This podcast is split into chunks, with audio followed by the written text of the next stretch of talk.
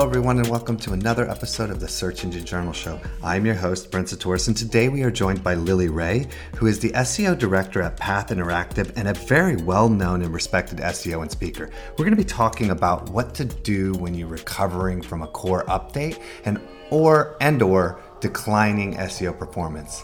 I hope you enjoy the show.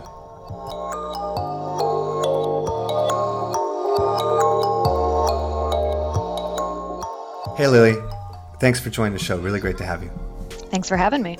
You know, it's it's an interesting conversation. We talk a lot about SEO here. Obviously, it's Search Engine Journal, but a lot of people are constantly talking about core updates and what things you need to do for them, or just any type of update, and what's the kind of the tactic or the current you know skill set that gets you forward, gets you ranking better. But one of the topics we don't spend a lot of time talking about, especially on this show, um, is what to do when you're recovering. Right? You know, there's a lot of different uh, theories on how you recover from you know may, maybe not necessarily calling it a penalty, but definitely recover recovering from a change, right? Something's changed, you're not ranking as well, and you want to do something about that. You want to rank better, and and and that starts the process of quote unquote recovery. And um, mm-hmm. that's something that we talked about as a great topic to discuss, and it's something that you spend quite a bit of time um, working on. So I wanted to start off by saying, like, you know, how common is it for people to really see an opportunity to quote unquote recover these days? You hear mm-hmm. you hear Google talk constantly about we did this update. There's nothing you can do. We did this yeah. update. There's nothing you can do.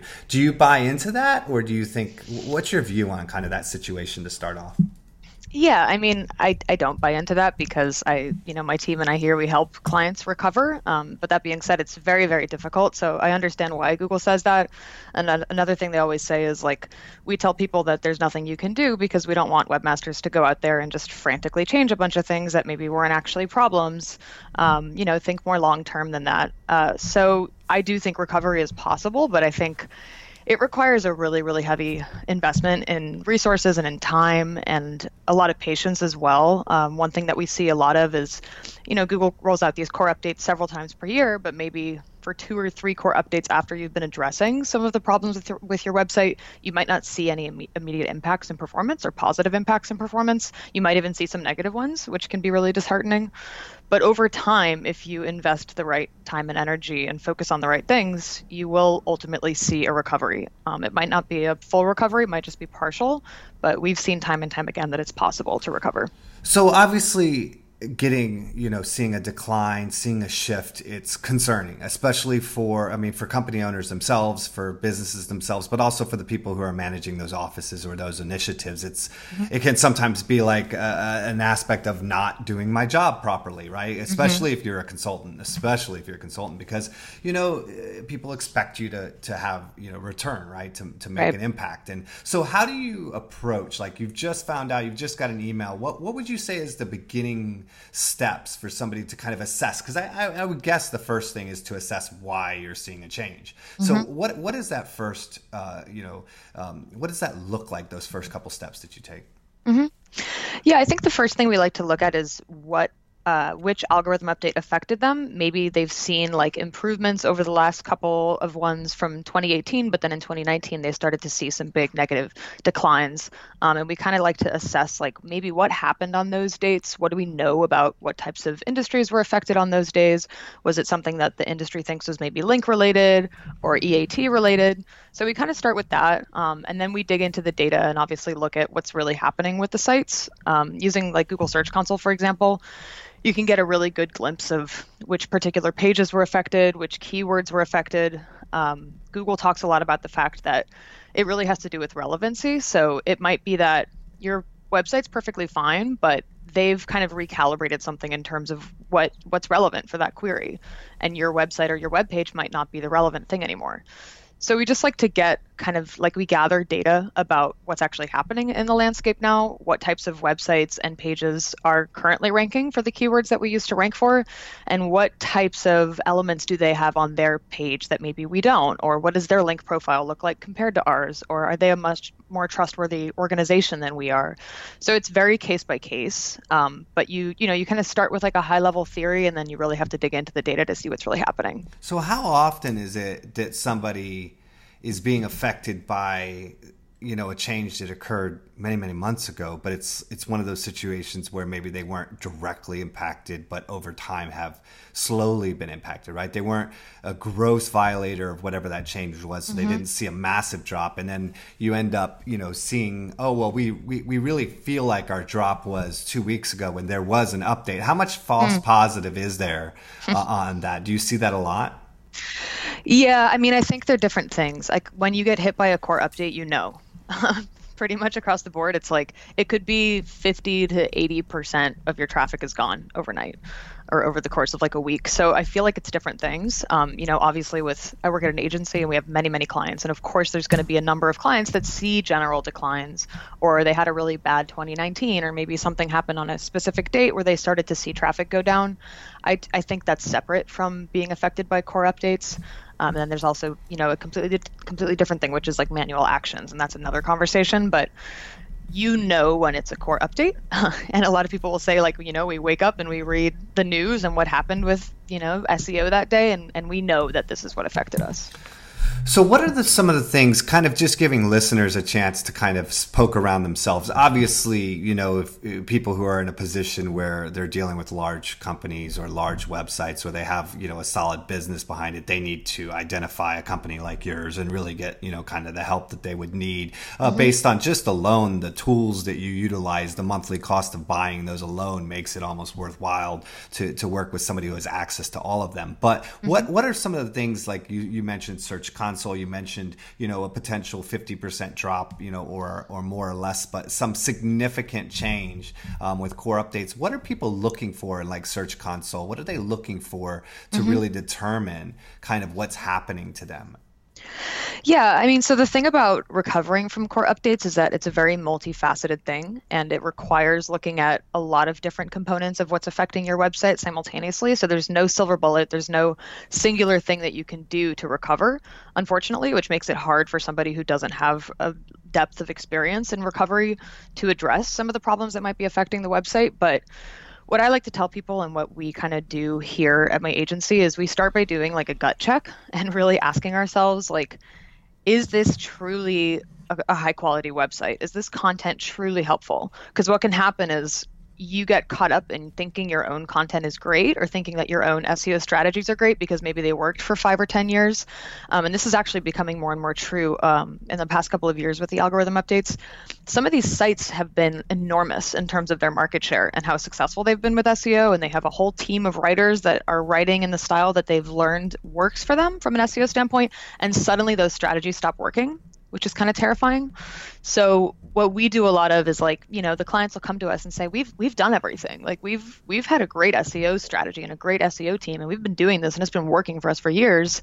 And then we kind of start to get under the hood and we say, "Actually, like this doesn't work anymore or this never should have worked in the first place or your content is maybe not as good as you think it is. So it's a lot of tough conversations. Yeah i actually had a situation with a big law firm once that i was consulting with and they had i mean i think they were getting millions of visits a month for like court cases. They were one of the top you know kind of legal websites online. Mm-hmm. and um, they were getting thin content traffic. And when they you know did you know panda i think it was panda or penguin mm-hmm. one of the two um, the one that's thin content i always seem to forget forget which one, uh, mm-hmm. especially at this moment. But um, Panda. yeah, Panda. Um, when when Panda came out, they just lost it, and I mean they were essentially the question was how do we get it back and i said well you don't you never should have had it you just mm-hmm. feel blessed that you got lucky for five years and, and and got a ton of traffic you didn't deserve anyway um, totally you know so so how often are these situations where there is nothing for you to do other than to kind of ramp up the SEO strategy as a forefront and a focus to begin with? Like, is mm-hmm. it, you know, how often is it just something that's more of a reminder that maybe you need to pay a little bit more attention to all of the facets of your marketing um, hmm. instead of just, you know, going out and buying new links? Yeah. I mean, in my experience, what happens is when you start to really dig into what's happening with the website, maybe the technical performance, um, some of the history, and the other strategies that they've used throughout the years, particularly as it relates to links, you'll start to uncover like okay, there's a bigger problem here than maybe we realized. Like, uh, we're working with a site right now where we keep having to ask them questions about their backlink profile because, from their perspective, they're like, no, no, we, everything we've done was legitimate. You know, we worked with the best legitimate companies to pay for links, which is like the key term, right? And we're like, you know what? Like, I think maybe Google's getting smarter about that over time. So maybe that worked for you a couple years ago, but it's not going to work anymore. And their perspective is that this is everything they're doing is great because it used to be great. So it's it's tricky, but I think it requires knowing like the direction that Google's algorithm is going in, and I think that's made a lot of big changes and big leaps in the last couple of years. You know, we know from the search quality guidelines where they're trying to go with the algorithm, and a lot of the times the things that are in that in those guidelines don't jive with the strategies that companies have been using for the last 10 or 15 years. So one of the things that I've heard a lot of SEOs kind of talk about is this this aspect of you know basically I mean it started out with RankBrain but it's really become a discussion of how much AI is utilized at Google and how much do even the teams at Google really know about why something is turning out the way it is. And we see some discussions about rollbacks, right? You see like these changes, you see these changes, you see these changes in search, and then all of a sudden you see this like four month you know kind of rollback where it's mm-hmm. like obviously something didn't go right um, which has you know caused a lot of seos to kind of feel like well hell now now now i really don't know what's going on. So so what have you seen any of that? Have you heard anything about that? Do you have a theory on that at all? Oh yeah. Um, it's kind of controversial because when something like that happens, you'll get a lot of different perspectives in the SEO industry, and people will start digging into it and be like, "Oh, I found the problem," you know, and then it'll be different from the other problem that somebody else found. But I certainly think there are situations where the core update that Google rolls out did something differently and maybe made a few big mistakes along the way and that there's sites that get caught in the crossfire and, and they accidentally you know google accidentally causes those sites to lose lots of traffic. And i think there's been a couple big examples of that over the last couple years that have been really fascinating for me because you know i'm on this mission to try to understand what it looks like to be a top performing website with good eat and all this stuff. But then you see examples of sites that should fall into that category. And like you know, based on the other sites that we've seen that do well, they should be doing well. And you can't really find anything substantially wrong with the site. But they've lost all their traffic during a core update. And then two weeks later, it comes back, like exactly where it was before. Or for the next core update, it's completely restored. And things like that happen. And it kind of makes you wonder, like, is Google just not entirely getting it right every time and they kind of have to recalibrate things? And I, I personally think that's what's happening. Yeah, I've actually, I mean, I, I, again, we're both kind of in that place where we have to be a little cautious on how we speak about some of these examples or things that are happening. Um, but I definitely have seen three or four um, examples behind closed doors of. Mm-hmm you know, site I mean, clearly, you know, a shift uh, and a complete reversal after four months mm-hmm. or five months. And just after these updates, you see like numerous sites making the exact same switch. And it's like clearly something got pulled back. And so, totally. I def- so, so with, with all of this that's happening, you know, we're, t- we're talking again about like recovering, right? You're, you're basically determining there's something wrong. Um, run us through kind of like a summary of, of what we've talked about now for people that are listening. You, you've woken woke up, you've looked at your analytics, you you've kind of you know walk me through that kind of summary of things that you can do right now before you start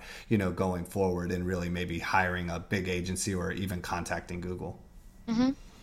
Yeah, I think the first thing to look at would be the types of pages and the type of content on your website that's been affected. Um, in many cases, you'll see like a certain section of the website, or maybe like a specific subdomain that you have or subfolder that talks about your money, your life, YMYL type topics. And that's the one that was hit the hardest. And then you know that you might have a situation on your hands where you're writing about all these health topics or legal topics, and maybe you don't have good enough EAT to write about those topics. Um, maybe Google doesn't perceive your authors to be expert enough to write about those things. So you can kind of start to diagnose just based on the content itself um, what's happening. Um, you can also just look throughout Google Search Console. There's so many good resources in there to see like is my coverage report changing over time? Do I have a situation where the number of pages that Google is, you know, crawling but not indexing is that increasing over time? Um, obviously, do I have any type of messages from Google about issues with my site, like spammy structured data or anything along those lines? So I would start by looking within Google's actual tools, so Search Console and Analytics, and, and just gleaning any information that you can from there. Um, but then, you know, if, if you do get into a situation where you feel like you need external help, I always recommend bringing in people that aren't people that work at your company or people that have been heavily involved in your SEO process because you're going to need a third party to tell you is this actually meaningful content? You know, because it can't be like, I know this blog post that I wrote is the best content out there. I hear that kind of thing all the time. You're really going to need, you know, whether it be an external SEO agency or maybe some user testing or, or anything along those lines, you're going to need that kind of seal or that vouch, people vouching for you from um, from another organization or another party.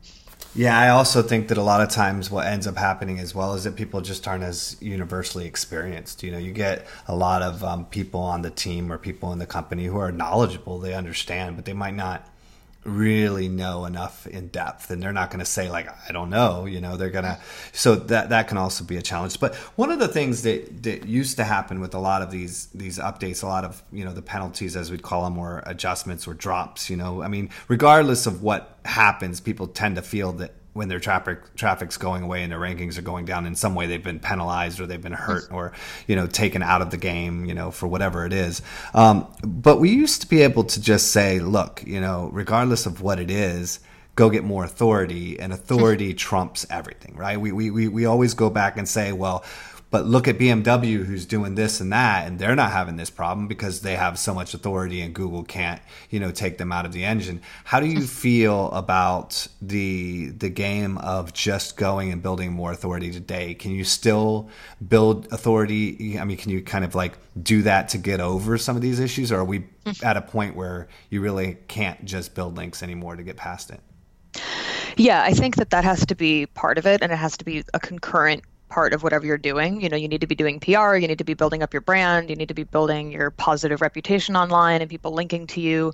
But I don't think that's everything. Um, and there's actually a lot of interesting case studies and examples where sites that are recovering from core updates might have a situation where there's a lot of baggage that's like weighing down the quality of their site and maybe they don't even know about it. So that's one of the things that we like to uncover is like, did you know you had this section of your website that has like tons of spammy user generated content or like 500,000 pages that have virtually no content on them or things like that that actually you might not even know those issues are affecting your website, especially if your website's like 20 years old and it's been through a lot of different iterations and things like that. And resolving those types of issues actually can greatly improve your performance after a core update. So I don't think that buying links is necessarily the singular solution or, or getting links organically, even.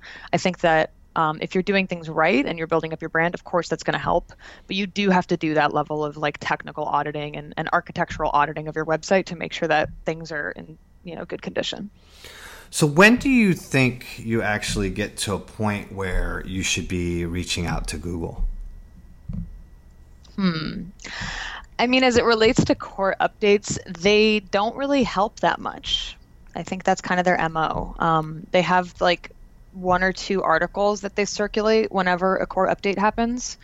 Um, I was very blessed to be linked to in one of them, which was amazing, but that's a separate story. Um, but that's like the same article that they keep sharing whenever this happens. So it's almost like their agenda is to not communicate specifics. Um, so you have people like me and Marie Haynes and Glenn Gabe who go out there like sharing our experience and our ideas and that's what a lot of people have, have to kind of go off of these days. So you can reach out to Google. They're obviously very friendly and generous people on Twitter, and they're very communicative, but they're not going to help you uh, with specifics, in my experience. So it's worth a shot, but I don't know how much it will actually help. So just kind of, uh, kind of, uh, we're kind of running a bit on uh, towards the end of the, our time, but I did want to ask you like one or two more questions. I wanted to find out, you know, if you could share in the last, you know, let's say year in 2019 some of the shifts that you've seen you know as far as the core updates things that have really impacted people that they've been able to actually sort of solve or, or, or dig themselves out of versus some of the things specifically the things that people can sort of solve that have happened over the last year? Yeah I think addressing low quality content is solvable. It takes a lot of time, but you have to be honest about like, have I done a strategy, an SEO strategy in the past five or 10 years that used to work really well because frankly google wasn't as good as identifying good quality content you know several years ago but maybe you still have that content on your site so you have to go back in there and see what's underperforming look for opportunities to improve that content maybe remove it no index it um, and that's something that i think all sites should be working on kind of all the time um, and then, you know, EAT is a really big thing. So you do have to think about, especially if you're a Your Money Your Life website, maybe you're financial or legal or anything like that. Is your website trustworthy? You know, are you HTTPS? Are you giving all the signals to your users that they can trust the experience on your website or pulling out a credit card or anything like that? Um, so just thinking a lot about Google's uh, agenda right now, which is to surface not only the best quality content, but content that's extremely trustworthy and reputable and combating misinformation and all of that. Thinking about that perspective um, and using that kind of lens when you're diagnosing your own content. I think that's a good strategy going forward. And so, when you're talking about EAT, just so people that don't necessarily know the acronym, can you just define that real quick for people? Yeah, it's uh, expertise, authoritativeness, and trustworthiness. And it's an acronym that Google uses like 150 plus times in its search quality guidelines. So, when they tell their human quality raters to look through content and analyze how trustworthy it is, they use that acronym all the time as kind of the criteria. So, and, that's and why you, I keep talking about it. And would you say that's essentially like, uh, you know, the new version of P, you know, PR PageRank? It's just, you know, instead of having something that was purely link based, now it's a, a deeper, more complex, but ultimately it comes back to your authority. Yeah, I think that that's a really great analogy. Um, it's not purely link based the way that PageRank kind of is, but I think links play a very, very big role in it but I think Google's looking at more than just links with the EAT. So you mentioned content, right? You know, look, the quality of your content has really shifted over the years, and and I find this to be a regular conversation where people are like, my content's awesome, and I'm like, yeah, I don't really think so, you know. And so we we go through that a lot, you know, because people are looking at checking a box versus like really creating something amazing. What kind of content volume do you think people should really be posting? I mean, we used to do freshness used to be an issue. It's just not really a thing anymore, right? Yeah. So how do you how, how much content should people be creating these days? It's a great question. I don't think there's a specific number, and it really depends on your industry. Um, I've seen some sites that they don't publish very often, and they just have a small handful of really meaningful and helpful evergreen pieces of content, and that's all they need. And maybe they build a f- one new one a month or one or two new ones a month or something along those lines. Um, I think this notion that a lot of companies have, which is, you know, we need a new blog constantly, we need one a week, or we have this kind of editorial calendar, that gets you into a situation where you have a lot of content that's probably not performing very well and you might not be auditing that all the time. And that's one of the things we look at when we're recovering from core updates is like, do you have 10,000 articles that are not really doing anything and might even be bringing down the overall quality of your site.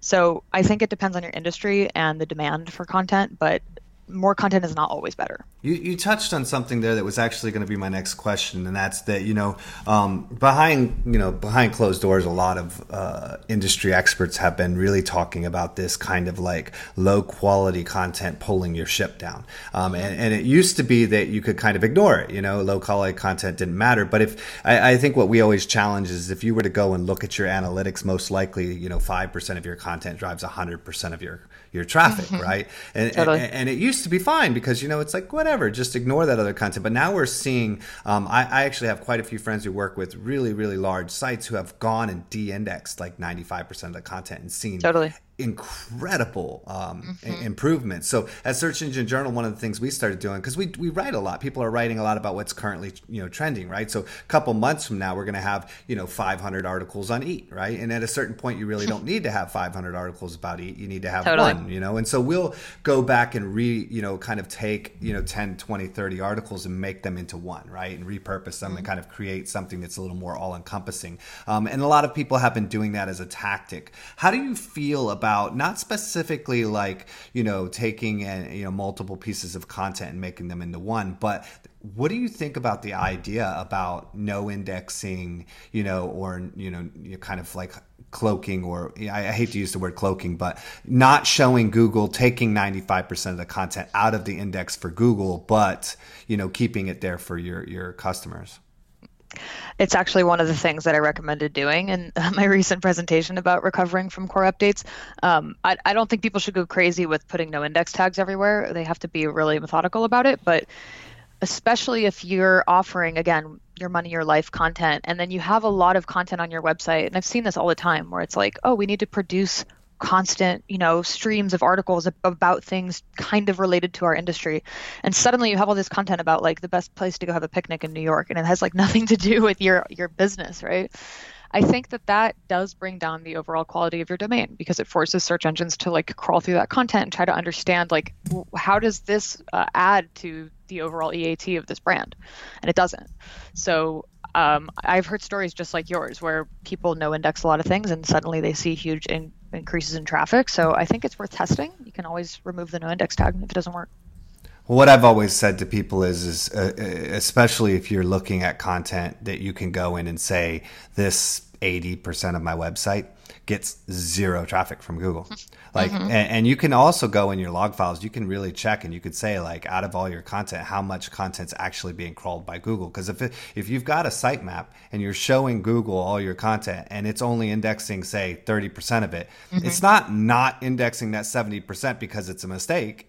It's just looked at it and said, we don't want it. And so if they if they don't want that content, I feel like it's I always say what's the worst case scenario? You don't get any traffic for that content? Well, you're already not getting traffic for that content, right? Totally, totally. So, what do you think? One last question. Um, you know, this is one that I think has been kind of floating around as far as recovery, and that's that immediately everybody wants to disavow all their links.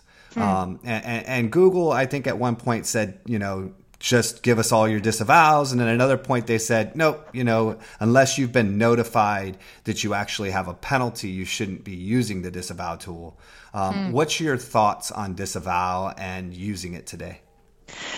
Yeah, that's a great question. Um, and it depends who you ask at Google, too. It's almost like each Google rep has a different perspective on it, and we get different messaging from them about this topic. Um, uh, it wasn't something that I paid a lot of attention to for many years. You know, I was affected with a client by the Penguin update many years ago, so of course then I was paying close attention. And I've dealt with a couple um, link-related manual actions in which, you know, obviously I use disavow, but there's been a lot of chatter, like you said, about the fact that preemptively disavowing can be really effective. Um, and John Mueller actually confirmed that earlier this year uh, at a Webmaster Hangout, where he said, you know, if you have a lot of bad links that are kind of sitting there as like dead weight on your website, yeah, you should probably remove them, especially if you know that you've purchased those links or you've otherwise violated Google's guidelines and maybe you haven't received a manual action yet, but you might one day then yes, you should think about disavowing them. And what's interesting is more often than not nowadays, companies that have hopped around with different SEO professionals and SEO agencies have purchased links that violate Google's guidelines in some capacity, whether they know it or not. So almost, I would say the majority of the time, like probably 70% of the time, clients that come to us have links in their profile that look like they might have dabbled in, in paid link building. So we've been doing a lot more preemptive disavowing than I've done in many years. Awesome, great to know, Lily. Uh, people want to find you. They want to follow your work. They want to, you know, talk to you, contact you. How do people find you online? Twitter's the best way nowadays. So it's Lily Ray NYC. I'm on there pretty frequently. Um, but yeah, my company is Path Interactive, so you can also contact us. I really appreciate you coming on. A lot of really great information. I appreciate you taking the time to share it with us today. Thanks so much for having me. It was a lot of fun. Thanks, Lily. All right, take care.